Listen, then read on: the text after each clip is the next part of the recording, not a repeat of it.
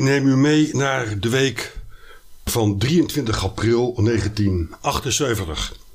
En dat is de week waarin we deze aflevering aan het uh, voorbereiden zijn. Aflevering 11 met als historische titel De bandrecorder dokter. Dat klinkt raar, de bandrecorder dokter, zeker uh, anno nu. Maar in de jaren 70 was er echt daadwerkelijk een adres waarop stond bandrecorder dokter. Je had dat in de grote steden.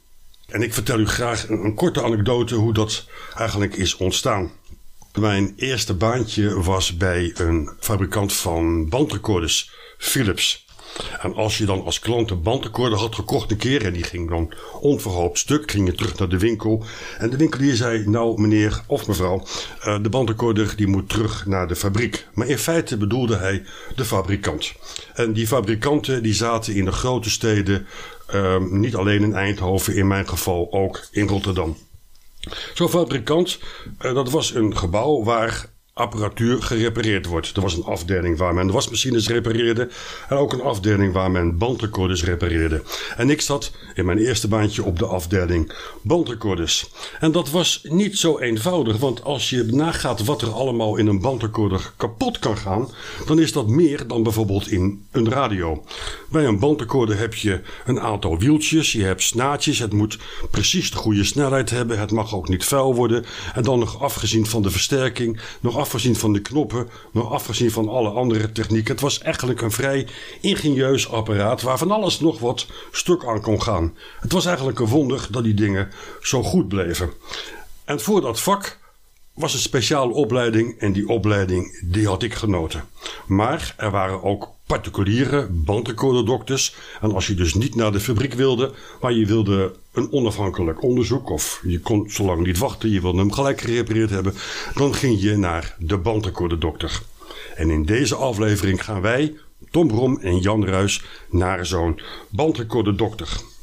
Het is een opname uit de uitzending geworden, uh, wat we zo meteen gaan horen. U hoort ook de presentator Hans Wijnands, die uh, aflevering 11 gaat aankondigen. En we zitten eigenlijk nog steeds aan het begin van de Bandrecorder Show. De Bandrecorder Dokter is eigenlijk een bezoek aan iemand waarvan je dacht dat het nooit heeft bestaan, maar toch heeft bestaan. Luister naar de bandrecorderdokter. Ja, dit programma werd uh, eind jaren 70, begin jaren 80 gemaakt. Ik moet zeggen dat ik daar echt een grote fan van was als, als jongetje. Uh, want dat was echt radio. Gemaakt door het duo Brom en Ruis natuurlijk. En de presentator Hans Wijnands.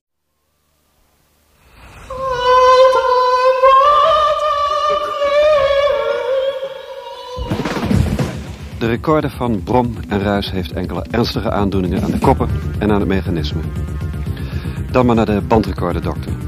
Om bij een Nederlandse arts onder behandeling te komen, moest het artsencollectief eerst 14 dagen vergaderen. En dat was een beetje te lang voor de patiënt.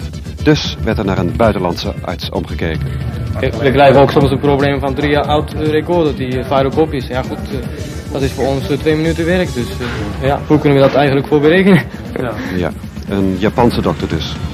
Hij leidt de heren Brom en Ruis naar de behandelkamer zij stellen de bandrecorderdokter vragen over regelmatige conditiekeuringen en wat er allemaal gebeurt als de patiënt lastig wordt. Winters heb je bijvoorbeeld dat uh, iedereen griep krijgt. Hè? Ja.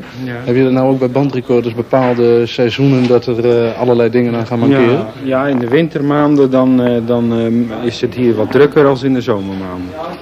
Ja, de, de, de wintermaanden is voor ons wel, wel duidelijk dat het na de vakanties. Daar gaan de mensen wat meer gebruik van maken. Hoe komt u daar nou achter wat er aan mankeert? Nou, wij bekijken hier elke recorder die binnenkomt met behulp van een aantal testbanden.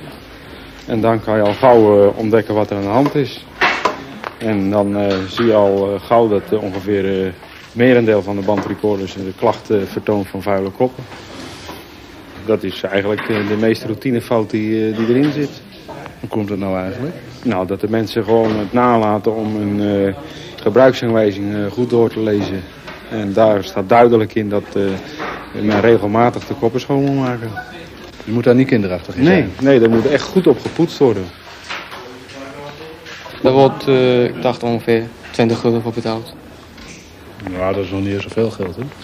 Nee, uh, maar ja, goed, dat komt wel inderdaad uh, regelmatig voor. Alleen voor de vuile koppen. Mm -hmm. Dat is dus inderdaad een beetje zonde voor de tijd.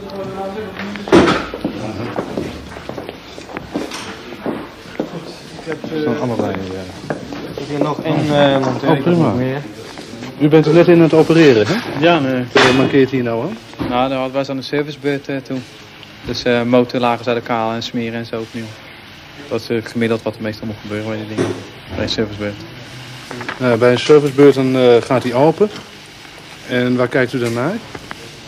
Nou, we meten meestal woonflutten, frequentiebereik. Kijken of alles nog aan specificaties voldoet. En zo niet, dan wordt dat hersteld.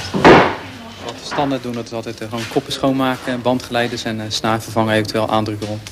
Dat is, laten we zeggen, een half uurtje werk, alles bij elkaar instellen. En dat wordt nagenoeg altijd gedaan, ongeacht de klacht. Ja. En uh, keus van de band, dat is ook erg belangrijk.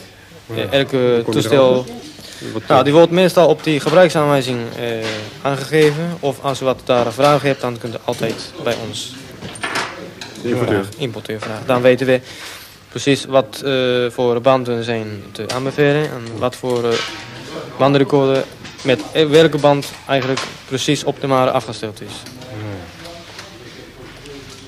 Maar zo'n servicebeurt, uh, moet ik hem elk jaar een keer wegbrengen? Nou, dat ligt er natuurlijk, zoals ik zei, hoe vaak die recorder gebruikt wordt. Normaal gebruik? Nou, bijvoorbeeld twee, of twee uur per dag. Ja. Dan, ik adviseer, wel minstens één keer per twee jaar, laat hem even nakijken. Maar, ja, en die recorder die bijvoorbeeld vrij oud is, 8, 10 jaar, dat kan ook bij de reparatie gebracht worden. En daar maken we meestal eerst een prijsopgave. Ja, ja. Is dat uh, gratis? Nee, nee, nee, die kost uh, bij de garantieperiode uh, 30 gulden. Oh, dit is een... Uh, ah, kijk aan. Meneer Dion, hij repareert ook een andere koos. Ja. Wat is nou het uh, allergekste wat u ooit mee hebt gemaakt met een bandrecorder hier? Een apparaat dat drie keer terugkomt, verneemt niet op en dat de band er verkeerd om oplegt. Dat, dat is een uh, verschijnsel wat wel eens voorkomt. Een klant natuurlijk weet hij terwijl er dus niets aan de hand is. Eigenlijk wel dom, hè? Uiteraard, zeer dom. Nee. Het zijn mensen. Voelt u zich een beetje een dokter af en toe? Nou, nee. Wat de witte jas betreft soms wel, maar ik bedoel, als je ziet wat een dokter mee naar huis neemt, niet. ik bedoel, en als wij een fout maken, gaat hij dus ook niet onder de grond. Het is natuurlijk ook wel een groot verschil met een dokter. Ja, dat geldt.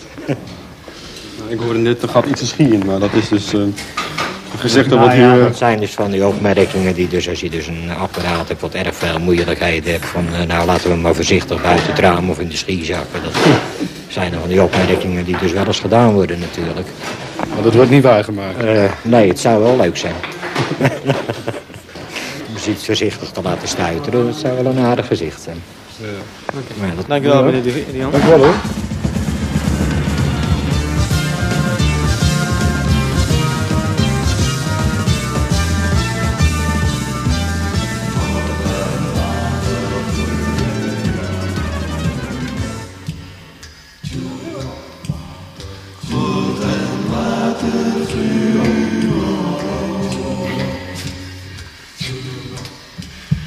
祝咱们去远方，去远方，